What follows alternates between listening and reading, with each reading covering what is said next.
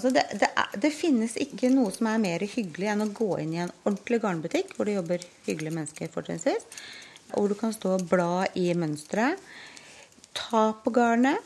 Behøver ikke å kjøpe det. Jeg har vært hos Bente flere ganger i sommer og ikke kjøpt garn. Det er veldig frekt å gå inn i en garnbutikk uten å kjøpe noe. Ja, jeg vet det. Men altså, ærlig talt, det er ikke mulig å kjøpe mer av og til. Jeg har jo litt sånn limit for det, da.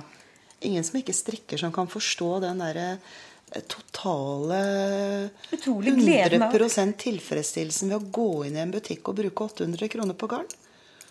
800?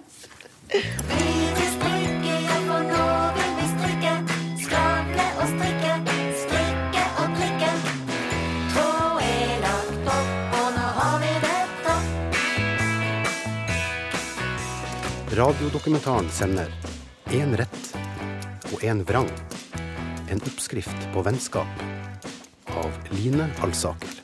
Så fant vi jo på dette her med den strikkeklubben, da. Ja, og det begynte jo med fordi at jeg, jeg sa det at det, vi må jo være flere enn bare oss to som strikker. Vi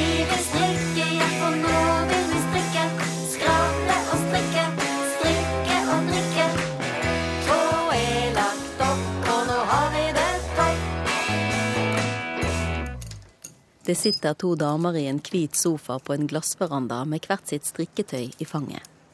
Begge heter Toril og er midt i 40-årene. I denne historien blir den ene kalt følsomme Toril, den andre kyniske Toril. Vennskapet deres har overlevd enorme belastninger, sjøl om én mann flere ganger har sørget for store floker mellom de. Han er jo en veldig ålreit, jovial og hyggelig person som da har klart å komme unna et par ganger, men nettopp derfor så tror du ikke at det skal skje igjen. Mellom torilene i sofaen ligger en liten hvit hund, en bichon frisé med myk, krøllete pels. Ved siden av står det en grå papegøye i et bur. Skal jeg legge noe over den fuglen, eller? Han bjeffer.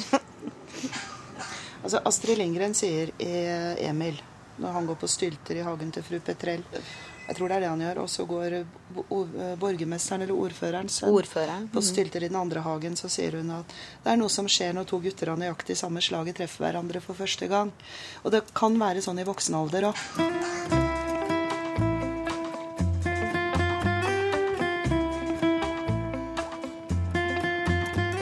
Bikkja di har prompa. Ja, det Hvorfor tror du han ligger hos deg bestandig? Han ligger hos meg, han har gjort det, så jeg kasta han vekk. Du gjør jo ikke det. Du finner deg jo alt mulig. Jeg er tross alt godheten sjøl. Naiv, har du hørt det ordet før? Kyniske Toril er alt annet enn naiv. Når hun strikker, tømmer hun hjernen og tankene begynner å fly. Da ser hun sammenhenger få andre ser, og avsløringene kommer på løpende bånd. En jul satt følsomme Toril med huset fullt av ting kjøpt for stjålne penger. Det var det kyniske Toril som fant ut av. Det begynte med at uh, korpsets kasserer kom hjem til meg en kveld og sa at uh, saken med Torils eks ikke var oppgjort. Ut fra hva jeg visste, så skjønte jeg at det var et eller annet som ikke stemte. Men på den annen side så En person du kjenner privat, hvor langt skal du gå og sjekke det vedkommende sier? Jeg tenkte det er for fantastisk. Jeg elsker krim. Dette er en sånn krimtanke inni hodet mitt. Jeg må bare holde opp med dette. Følsomme Toril og kyniske Toril har kjent hverandre bestandig. Følsomme Toril er lærer, mens kyniske Toril er økonom. Men det var ikke før de fikk barn i samme klasse på skolen og ungene ble venner, at Torilene fant hverandre. På den tiden var kyniske Toril aleine med datteren sin, mens følsomme Toril var gift og hadde tre barn sammen med mannen hun møtte da hun var 13 år. Høy og mørk, vet du. Langhåra. Vi var veldig unge. Gikk med avisen sammen. Så fikk vi barn tidlig og sånn òg.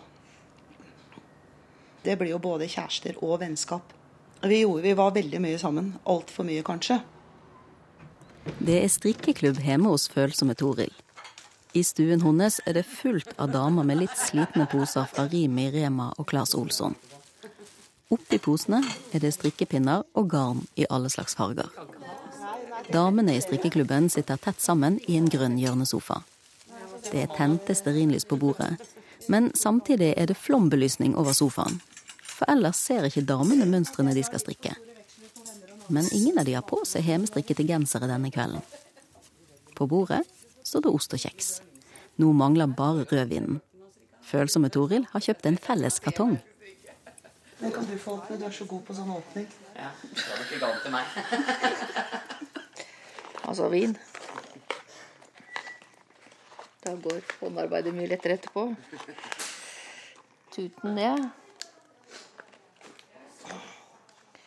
IQ-test, dette her. Sånn. Se om det funker òg, da. Det gikk bra. Strikkeklubben har hatt flere fellesprosjekter. Det ene var at alle medlemmene skulle strikke damenes turjakke ut fra et mønster fra 1956. Alle jakkene som ble strikket, så forskjellige ut. Den eneste likheten var at samtlige jakker fikk enormt lange armer. Men det største fellesprosjektet til strikkeklubben handlet om en mann med lange fingre. For når livet raser, rykker strikkedamene inn med nøster og poser og ordner opp. Vi vil strikke, ja, for nå vil vi strikke. Skravle og strikke, strikke og drikke. Tråd er lagt opp, og nå har vi det topp. Sitter i sofaen, og plassen er trang. Med garnpinner, poser og dyr. Vi strikker, spiser og ler, så nå blir det litt av et styr. Vi vil strikke, ja, for nå vil vi strikke. Skravle og strikke, strikke og drikke. Tråd er lagt opp, og nå har vi det topp.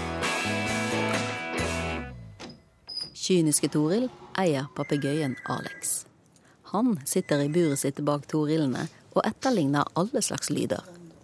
Dersom kyniske Toril ikke legger et teppe over buret, så hører du lyden av rennende vann, telefonringing, venninner og andre. Det er eksmannen din som snakker gjennom papegøyen? Vi var jo tross alt eh,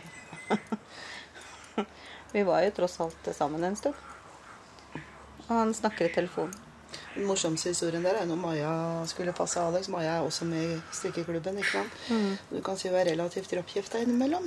Men det hun glemte å fortelle sin mann, var at hun skulle passe Alex. Ja, det, jeg drev Sånn og at, flytta inn her. Ja. Og så blir barna opp midt på natta. Og Nicolai var ikke hjemme. Men han gikk ut på kjøkkenet om morgenen som han pleier, eller som han sjøl sa. seg ut i underbuksa sånn som jeg pleier.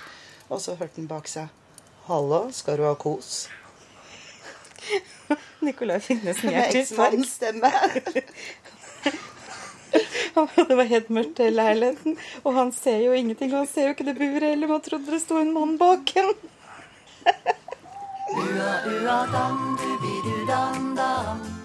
Uavhengig av en mann. En høst bestemte både følsomme Toril og kyniske Toril seg for å gi vekk Marius-gensere til jul til alle ungene sine.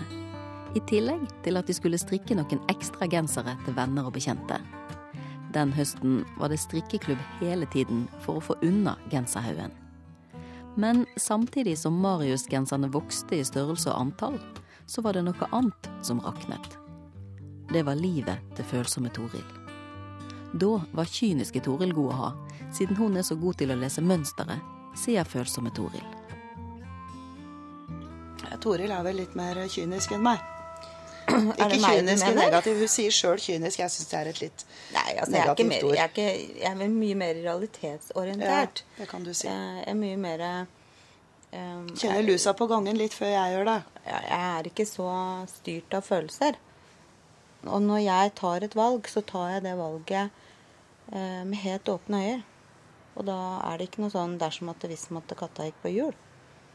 Da er det bare ferdig. Jeg sier ikke at alt er svart og hvitt hos meg, men det er ikke langt unna, egentlig. Hva er det du strikker? Sokker. Det liker alle å få til jul. Hele familien min skal få det. Ja, ja min òg. Jeg ga til eh, Det var bursdag til dattera til søstera mi da her i i helga. Så jeg strikka til søstera mi og til, til dattera da. Helt like sokker. Og hun ble så glad, hun på fem år. 'Å, mamma har fått helt like sokker som meg.' Å, så fint. Helt vanlige spettede sokker. Men det slo an. Det var nesten det beste vet du, med hele presangen. Følsomme Toril og mannen hadde et dramatisk forhold. Men hun valgte å bli i ekteskapet, til tross for mannens utroskap og surr med penger. De hadde jo barn sammen, og etter hvert begynte ungene til begge Torilene å spille i skolekorpset, der mødrene var ivrige foreldre. Kyniske Toril satt i styret. Det gjorde òg mannen til følsomme Toril. Jeg valgte å ikke være med i styre og stell. Og så um, skjedde det en del ting. Han uh, underslo masse penger i det korpset. Det ble forsøkt hemmeligholdt via styret, bl.a. Toril. Jeg valgte jo da å ikke, ikke gå. Stolte på at han rydda opp i det. Det ble en sånn sak som det ikke ble snakka om til meg. Det skapte noen hakk som Det ble litt vanskelig, for vi snakka ikke om det så mye. Nei, vi kunne ikke snakke om det. Nei, det fordi, ble litt sånn. Fordi det, det var veldig sånn usikkert på hva, hva han hadde fortalt henne. Mm. Eh, og det var eh, enighet i korpset om at, eller styret om at dette skulle vi ikke snakke om. For selvfølgelig hadde jo han fortalt det hjemme, trodde vi alle. Mannen til følsomme Toril hadde underslått 250 000 kroner fra korpset. Men han fortalte ikke noe om det hjemme. Og siden underslaget og avtalen om tilbakebetaling ble holdt hemmelig for å beskytte følsomme Toril og ungene hennes, så var hun lykkelig uvitende. Men en annen i korpsstyret hadde på følelsen at mannen til følsomme Toril ikke hadde sagt noe. Så hun ringte til følsomme Toril og fortalte alt sammen. Da dette kom frem i lyset, ble forholdet mellom Torilene temmelig stramt. Alt ble på vrangen pga. det mannen til følsomme Toril hadde gjort. Jeg tror et eh, vennskap skal tåle alt, ja. Så lenge man ikke lar andre forhold komme i veien for vennskapet. Og det var jo det som skjedde den gangen det ble et brudd mellom Toril og meg. Det var jo det at hun valgte eksen sin istedenfor meg. Men når hun distanserte seg, så så valgte jeg å gå videre med mitt liv og min kjempeforelskelse og helt uh, Levde i en liten rosa sky, boble. Det valgte jeg. Helt bevisst.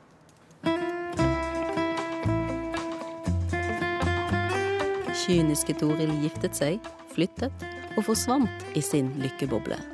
Så de neste seks årene måtte følsomme Toril strikke gensere og luer på egen hånd. Uten selskap av kyniske Toril.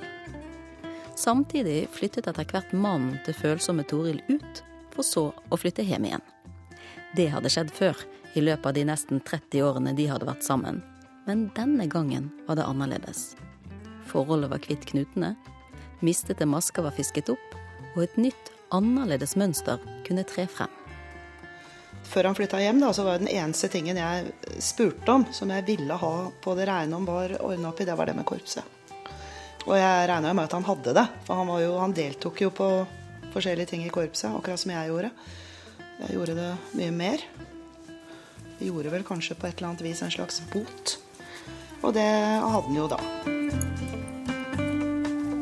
Alt var på stell for følsomme Toril.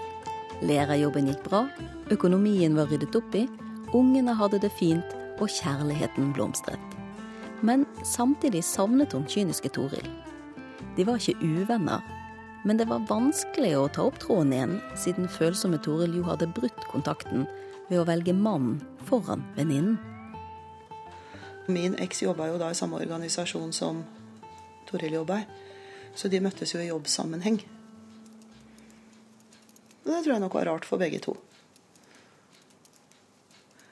For det er jo noe med å møte mennesker du egentlig har stått veldig nær, og så plutselig så er de mer perifere enn noen andre. Samtidig som følsomme Toril sitt liv var som et lunt alpakkaskjall, hadde kyniske Toril kommet ut av sin rosa boble. Hun tok med seg tre unger, hund, papegøye, garn og strikkepinner, og flyttet for seg sjøl. Og en dag, tidlig på høsten, lå det en mail i innboksen til kyniske Toril. Den var fra følsomme Toril. Hvor hun eh, skriver at, eh, at hun ser at eh, ungene står på hennes klasseliste. Så sier hun da at uh, hun skal være deres lærer, og at uh, hun håpet at det var greit. At ikke det ville bli noe vanskelig. Da var det egentlig bare å svare tilbake at dette er jo bare strålende. Og så hadde ikke jeg tenkt egentlig å oppta den kontakten så veldig, fordi jeg visste veldig lite om Toril. Annet enn at jeg visste at han var flyttet tilbake igjen eh, for n-te gang. eh, Og at eh, ungene var blitt store, selvfølgelig. Og så kom det et svar på den mailen min. Og så blei det litt sånn fram og tilbake-mail. Så lurte hun på om jeg ville komme og se på klasserommet, for hun skulle henge opp gardiner. Eller i hvert fall plukke de ned, for de var så innmari møkkete. Og så i den derre runden med sånn vask og rydde, så, så fikk vi prata en del. Drakk litt kaffe og tok en røyk. og Hadde jo selvfølgelig strikketøy da, med seg. Det har man jo alltid i sekken. Vi er jo helt naken hvis vi ikke har med strikketøy. Og så strikka vi litt, og så sier hun ja, du blir med hjem på en kopp kaffe. Og så, ja, så ble det At det var akkurat som vi hadde prata sammen sist i går. Det er som når du er i en samtale, da, og så blir du avbrutt av en unge eller et eller annet. Eh, og så bare fortsetter du å prate som om du ikke har blitt avbrutt. Sånn var det. Ja, det var det. Det var som at du bare hadde satt på kaffe. Ja. I- igjen. Igjen, ja. og jeg hadde fiska opp et nytt nøste av posen min og kjefta på kattene dine som ligger oppi posen min. Vi vil strikke, ja, for nå vil vi strikke. Skravle og strikke, strikke og drikke. Tråd er lagt opp, og nå har vi det topp. Etter å ha tatt opp skravlingen og strikkingen bare de to sammen en stund, så startet følsomme Toril og kyniske Toril strikkeklubben.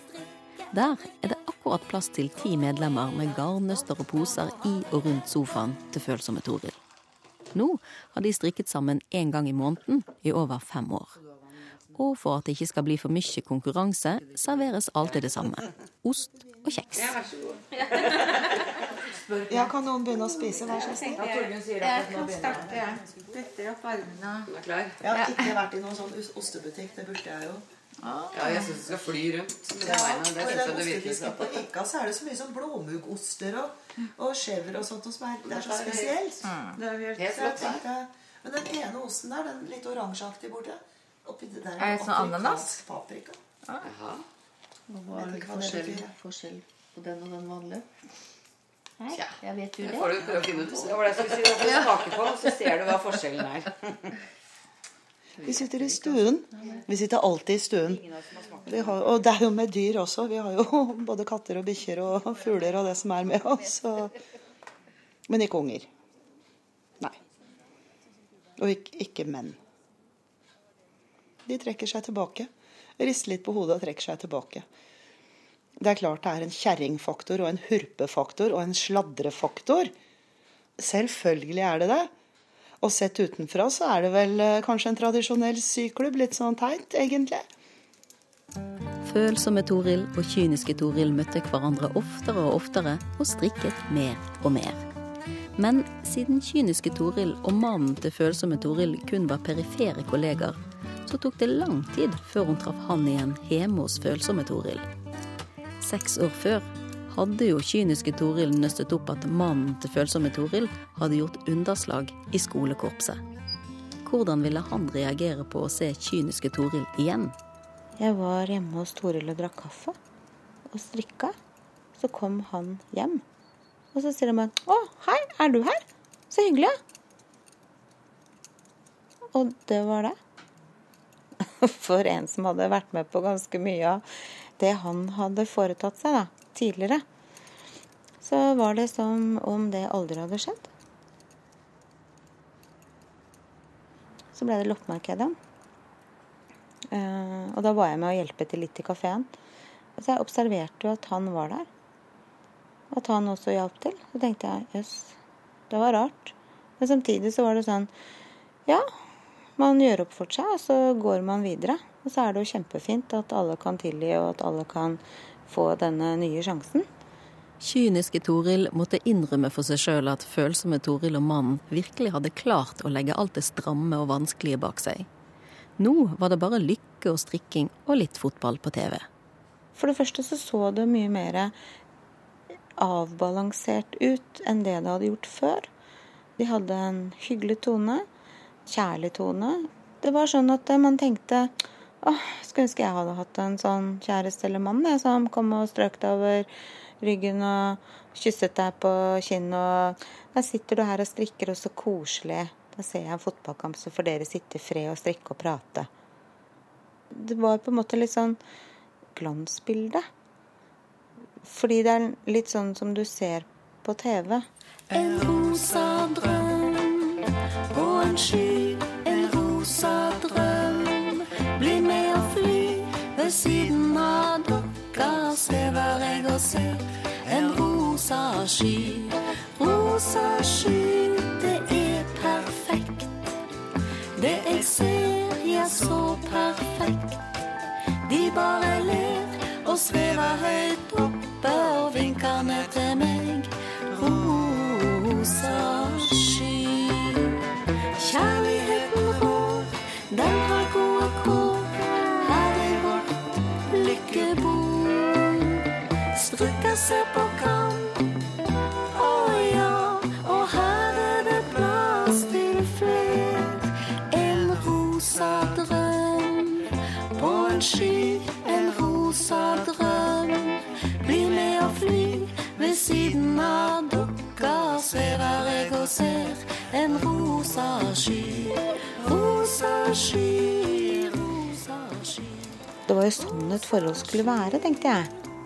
Sitter der og har sånne dype samtaler, og han tar klesvasken, og, og vi får strikke og Det var jo veldig hyggelig å være en del av det. Altså, når ungene mine ikke var hjemme, så, så fikk jeg en SMS da, så var det sånn, eller en mail sånn 'Kommer det en tur på middag?' Og vi, vi skal ha, og hva har du lyst på? Vi har lagd, og det er så hyggelig. Ja, jo, det var jo kjempehyggelig. Kyniske Toril, følsomme Toril og mannen til følsomme Toril var sammen støtt og stadig. Ja, det hendte rett som det var at kyniske Toril ikke følte seg så kynisk som hun pleide. For alt var så mykt og behagelig, og passet så godt. Det var veldig sånn godt å bli lulla inn i en sånn liten rosa sky.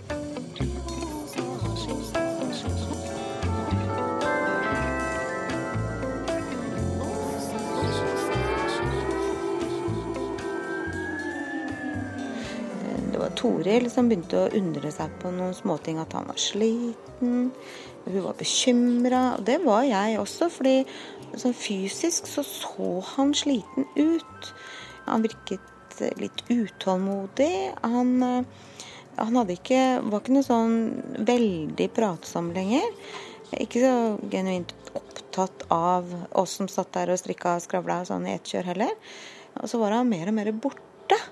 Kyniske Toril var ansatt i regnskapsavdelingen i samme organisasjon som mannen til følsomme Toril. Og hun hadde tilgang til alle opplysninger om økonomi og regnskap. Åh, han ville ha en sånn stor flatskjerm. Toril syntes ikke det var noe penger å kjøpe ny TV. Og I hvert fall ikke en sånn veldig stor og dyr en. Og så kom det bursdagen hans, så kjøpte han den enorme TV-en. Og så sier jeg Oi, har dere kjøpt TV? Ja, var svaret. Mens vi satt og spiste middag sammen.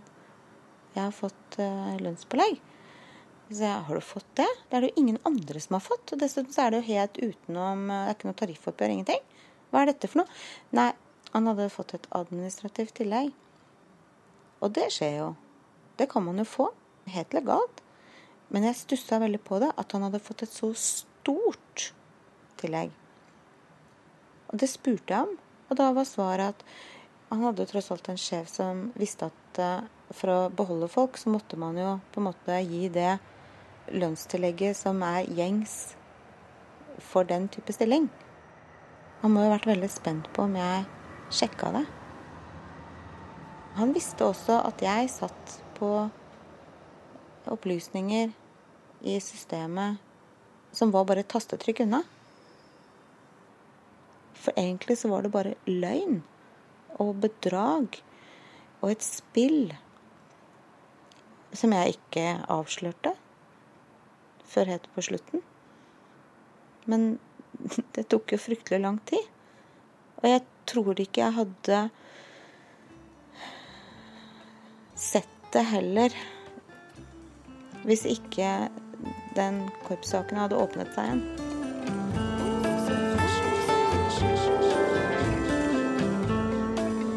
Mannen til følsomme Toril holdt kurs ved siden av jobben. For de pengene han tjente på det, dro de på turer og tok noen ekstra ferieuker. Samtidig skulle kyniske Toril overta kasserervervet i korpset, ti år etter at hun hadde hatt det sist gang. Forrige gang endte det altså med at Torilene ikke snakket sammen på mange år pga. underslaget fra korpskassen. Nå var kyniske Toril klar til ny innsats igjen.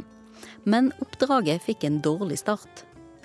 En kveld kom kassereren i korpset hjem til kyniske Toril for å fortelle at hun hadde funnet ut at saken med de 250 000 kronene mannen til følsomme Toril hadde understått for ti år siden, ikke var oppgjort. Og så sa jeg bare at det, det må den jo være. Du tuller. Nei, hun tullet ikke. Og hun er ikke en dame som tuller heller, så det var jo ganske innlysende at ikke det var tull. Jeg er litt usikker på hvordan hun fant ut av det, men eh, hun må jo på et eller annet vis gått innom gamle bøker. I hvert fall så var det sånn at eh, hun hadde funnet ut at det var et avvik der. Og det måtte vi rydde opp i.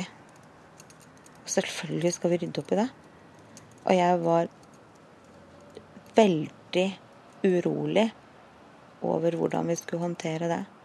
Så vi hadde noen lange, vanskelige samtaler, hun og jeg, om hvordan vi skulle håndtere saken. Så ble vi enige om å håndtere den slik den var håndtert før. Så hun tok kontakt med han og fortalte realitetene. og Han innrømmet det. Så det måtte han jo bare. Så ble jo advokat og ble, fikk lagd en avtale. Og så måtte han fortelle til Toril. Mannen til følsomme Toril skulle gå hjem og fortelle om det uoppgjorte underslaget i korpset. I mellomtiden satt kyniske Toril og ventet på at følsomme Toril skulle ta kontakt. Det sto mye på spill.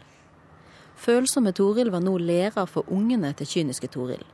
Samtidig var kyniske Toril redd for at vennskapet skulle ryke nok en gang.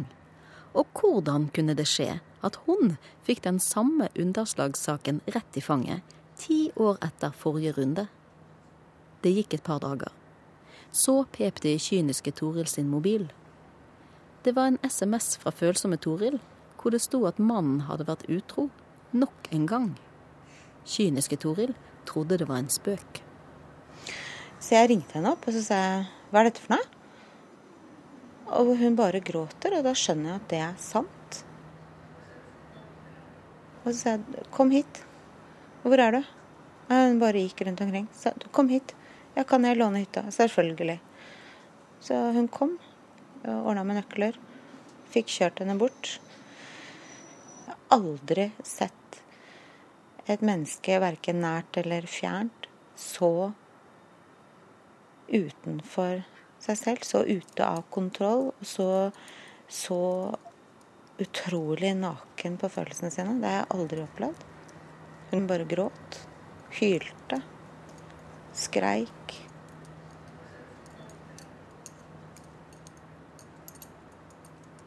Det var så fjernt fra det som hadde vært uken før. Og gikk fra en rosa sky til den sorteste avgrunn. da. Uten en sånn mellomfase hvor det ofte er krangling og hyling og Det var liksom fra midt i symfonien, og så er det bare akkurat som bare noen bare slutter å spille. Det var fryktelig skremmende. Å se Toril så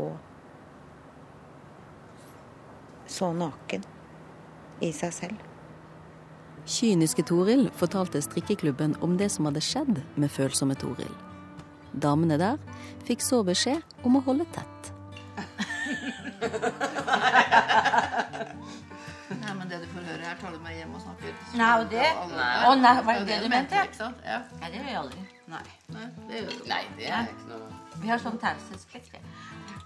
Vi har sånn på skolen. Ja, altså, det skolen har underskrevet taushetsavtale, vi, så her kan vi, vet du. Så vi har tatt med det til alle som jobber, eller som er her oppe. Så Selv om vi ikke jobber i skolen. Ja, så vi tar. Signer her. Nei, men det er bare sånn, på en måte, sånn er det bare. det. Ja, det syns jeg er helt rimelig. Ja. Vi er gamle, gamle nok til å skjønne hva vi kan si og ikke, ikke si. Og hvis vi skulle høre noe vi ikke burde høre, så er vi også gamle nok til ikke å ta det videre. Du har vel sagt det noen ganger at dette her tar vi ikke med oss videre. Ja, det hender jo vi sier det. Hender vi minner hverandre på det. Mannen til følsomme Toril hadde møtt sin nye kjæreste på jobben. Kyniske Toril forsøkte så godt hun kunne å ta vare på følsomme Toril. Men samtalene var som et strikkemønster med feil. Sjøl om du rekker opp garnet og begynner på nytt, så er fortsatt den samme feilen der hele tiden. Kyniske Toril fikk ikke følsomme Toril til å feste de løse trådene og gå videre. Først så var det sånn stakkars deg og herregud og nei, dette kan ikke være sant og vi skal selvfølgelig hjelpe deg og kom igjen, skrik det ut, gråt det ut. Eh, og for, for, fortelle om og om og om igjen, altså sånn til du på en måte får det litt ut. Altså alle de tingene som man sier, da. Men det ga ingen mening for den du sa det til. Hun så bare at livet hennes var borte. Ødelagt. Slutta å eksistere. Sånn var det. Og sånn var det i mange, mange dager. Da var vi utslitte alle sammen. Det kom opp en psykiater som snakket med henne. Toril var kjempesint på meg. Hun var rasende. Hun bare hylte. Helt eh, Helt vanvittig. Og da flyttet hun hjem. Og da virket det som at hun våknet litt, da. Ikke det at hun fikk det på avstand, slett ikke, men da kom i hvert fall litt mer til seg selv, kan du se. Hun var fremdeles ganske handlingslamma og fryktelig fokusert og intenst opptatt av at han var borte og hennes lykke og liv var ødelagt. Da følsomme Toril flyttet hjem, ringte hun mannen sin på jobben og sa at han ikke trengte å komme tilbake. Han leide seg en egen leilighet. De neste ukene gikk medlemmene i strikkeklubben døgnvakt for å passe på følsomme Toril. Siden ble det færre besøk, men det var alltid noen innom på kvelden. Og alle satt de og strikket sammen med henne, fort og frenetisk, kveld etter kveld. Så jeg satt jo der og følte meg som Nord-Europas største brødhue. Ja, men altså Jo, Hvordan men kunne du ha visst, da? Jeg følte meg veldig dum, og, veldig, og samtidig så var jeg fryktelig lei meg. Ikke lenge etter la kyniske Toril merke til en ny løs tråd ingen hadde sett før. Det var eh, når eh, Toril eh, ringte opp til sjefen hans i sin fortvilelse og hyler ut at eh, eh, han hadde jo vært utro i embets medfør. Eh, fordi han hadde jo hatt med seg henne på kurs. Og hvor da vedkommende leder svarer at eh, det har ikke vært noe kurs. Og det var da det bare datt ned en klaff i huet mitt. Og det var jo faktisk første uka. Mm. Og så prøvde jeg flere ganger å si dette til Toril, men hun var liksom ikke der. Hun var mye mer opptatt av utroskapen og tenkte ikke så veldig mye på det økonomiske spillet. Men jeg trodde det- han hadde holdt kurs, men holdt det skjult for sjefen sin. ja, men det skjønte jo jeg at han ikke hadde. Det var så enkelt som dette. For å kunne eh, ha den levestandarden som dere hadde, med disse ekstra ferieukene og reise hit og dit, så, så må, ha, må du ha penger. Og når de pengene ikke kommer fra de kursene som man da ikke hadde holdt i det hele tatt, så er det jo innlysende for meg at én pluss én, det blir to. Det tok lang tid før det ble fire for meg. Ja. Jeg trodde to, mener faktisk du, ikke kjære deg. Én pluss to, én. to Ja. pluss to er fire, ja. Ja, mm, det var det, vet du. Matte, vet du. Ja, det er fint, det. Veldig glad for at du påpeker det. Nei, jeg bare tenkte at det var liksom Det er, det er litt oss, da, kan du se. Jeg ser at det blir to, jeg, vet du, med en gang. Rosa sky, rosa sky Følsomme Toril og kyniske Toril begynte å nøste i pengesaken sammen. Kyniske Toril var den som avslørte mønsteret. Vi sjekket i Brønnøysundregistrene for å se om han hadde noen firmaer på si. Vi fant ingenting der. Eh, Så sjekket vi selvangivelser. Jeg Fant jo ingenting, verken formue eller noe annet som skulle tilsi at han hadde flere kontoer, eller I det øyeblikket jeg så at det ikke sto noen andre arbeidsgivere enn den ene som han hadde, så skjønte jeg at da måtte pengene være stjålet. Og kyniske Toril sin ekstraordinære detektivvirksomhet stoppet ikke med dette.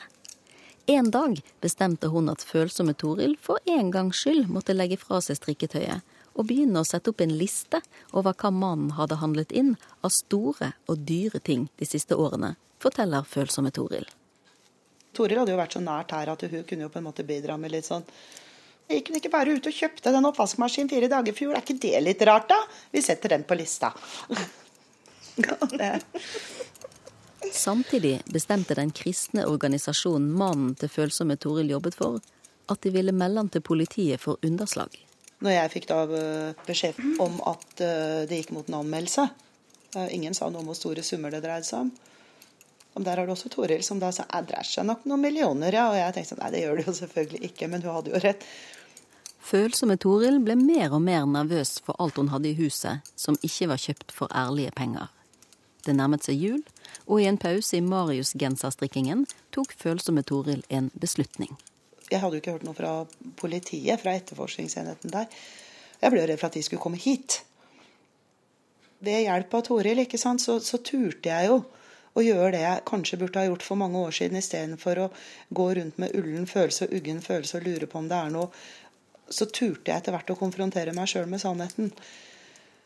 Jeg sa ja til å snakke med dette firmaet som uh, jobba for å lage et grunnlag for en anmeldelse. Og jeg ringte politiet på egen hånd, på eget initiativ. Og spurte rett ut har dere tenkt å komme hit og hente noe. Det var helt uaktuelt.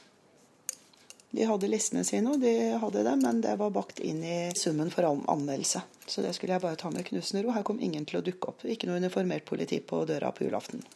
Følsomme Toril og kyniske Toril hadde, sammen med strikkeklubben, forsøkt å holde alt hemmelig.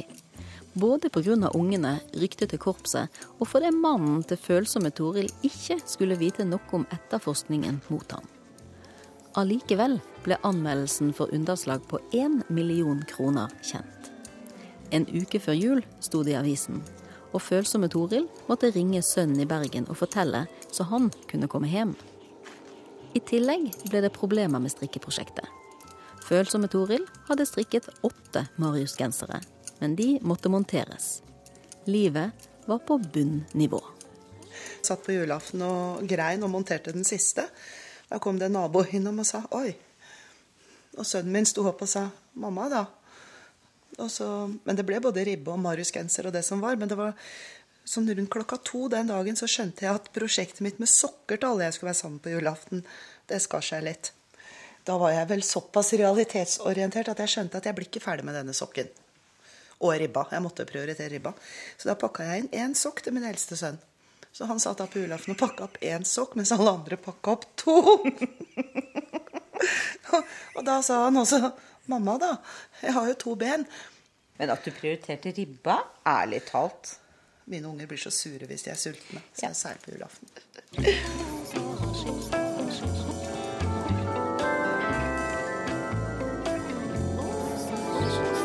Alt det eksen hennes sa og gjorde, og alt var bestemmende for Toril. Det var eh, akkurat som Én En ting er at du kan si at eh, veggen, ene veggen av livet ditt er borte, men det var ikke bare veggen, det var hele huset. Kjeller og grunnmur og alt var bare helt vekk. For alt var jo basert på alt det han gjorde eller sa, tenkte, og det fellesskapet som de to hadde bygd opp sammen. Og når det viser seg at det bare er løgn, bedrag, så, så skjer det jo noe helt forferdelig inni deg. Alt rakna. Måneder med døgnvakt, omsorg, røyking, strikking og det samme samtaleemnet om igjen og om igjen og om igjen begynte å slite på forholdet mellom følsomme Toril og kyniske Toril. Kyniske Toril var utslitt av å passe på venninnen. En dag lå det en lang beskjed i mailboksen til følsomme Toril. Nå er det på tide å stoppe. Nå er det på tide å la dette såret gro igjen. La det legge seg en skorpe. Ikke drive og rive opp den skorpa hver eneste dag. Det blir for mye. Vi skal snakke om dette tusen ganger til, men vi skal snakke om det på andre måter, på nye måter, og komme videre. Og først så blir man jo lei seg, ikke sant? for du, man har jo ikke lyst til å være en sånn møllestein for noen. Og selv om man vet at man er det, så er det utrolig hvor lenge du kan fortsette å gnåle når ingen sier noe til deg. Kyniske Toril hadde vært spent på reaksjonen. Ville det bli knute på tråden pga. mannen til følsomme Toril nok en gang? Jeg var nesten sikker på at det ikke skulle ryke. Det var en liten sjanse for at uh, kanskje hun ble rasende forbanna og bare hylte og skreik og gikk helt av skaftet, men hun gjorde ikke det. Tok det helt rolig.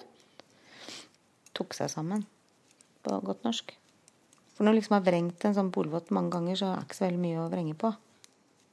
Eksmannen til følsomme Toril tilsto og ble dømt for å ha underslått én million kroner og mistet jobben. Men strikkeklubben består, samtidig som følsomme Toril har møtt en ny mann. Det hadde hun aldri trodd. Når det da dukker opp noen, akkurat når du er i ferd med å bestille time for å tatovere nødslakt i panna, så dukker det opp et menneske og foreslår at det skal stå edelgris istedenfor. Det er klart at det, det har vært veldig godt. Selvfølgelig. Og, og da se at uh, disse damene også gleder seg med meg, men de ville ikke. Hadde det vært det minste antydning til mistro hos dem i forhold til denne mannen, så hadde de ikke nølt et sekund med å si fra. Det vet jeg. Og da hadde jeg hørt på dem. Følsomme Toril har begynt på et nytt strikketøy. Men den nye mannen har vist seg å være litt kresen på strikkefronten.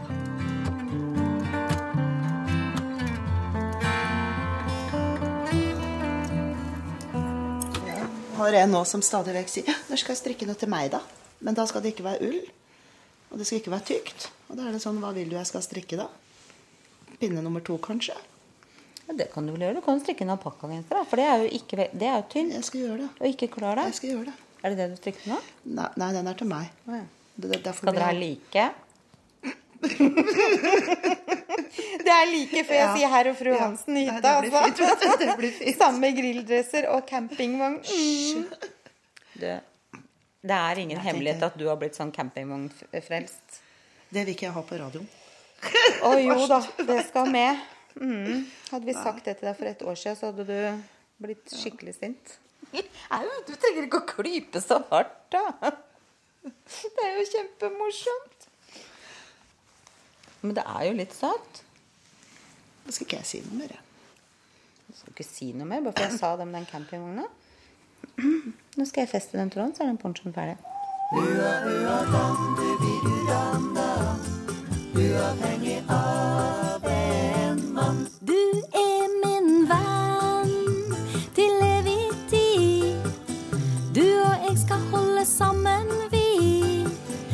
Gjennom hjørnet, ild og vann.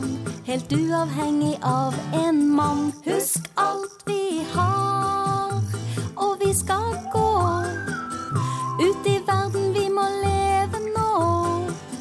Vennskap over all forstand, helt uavhengig av en mann. Du-bi-du-dam-dam. Ua-ua-dam, du-bi-du-dam-dam. Ua-ua-dam, du-bi-du-dam-dam. Uavhengig av en mann.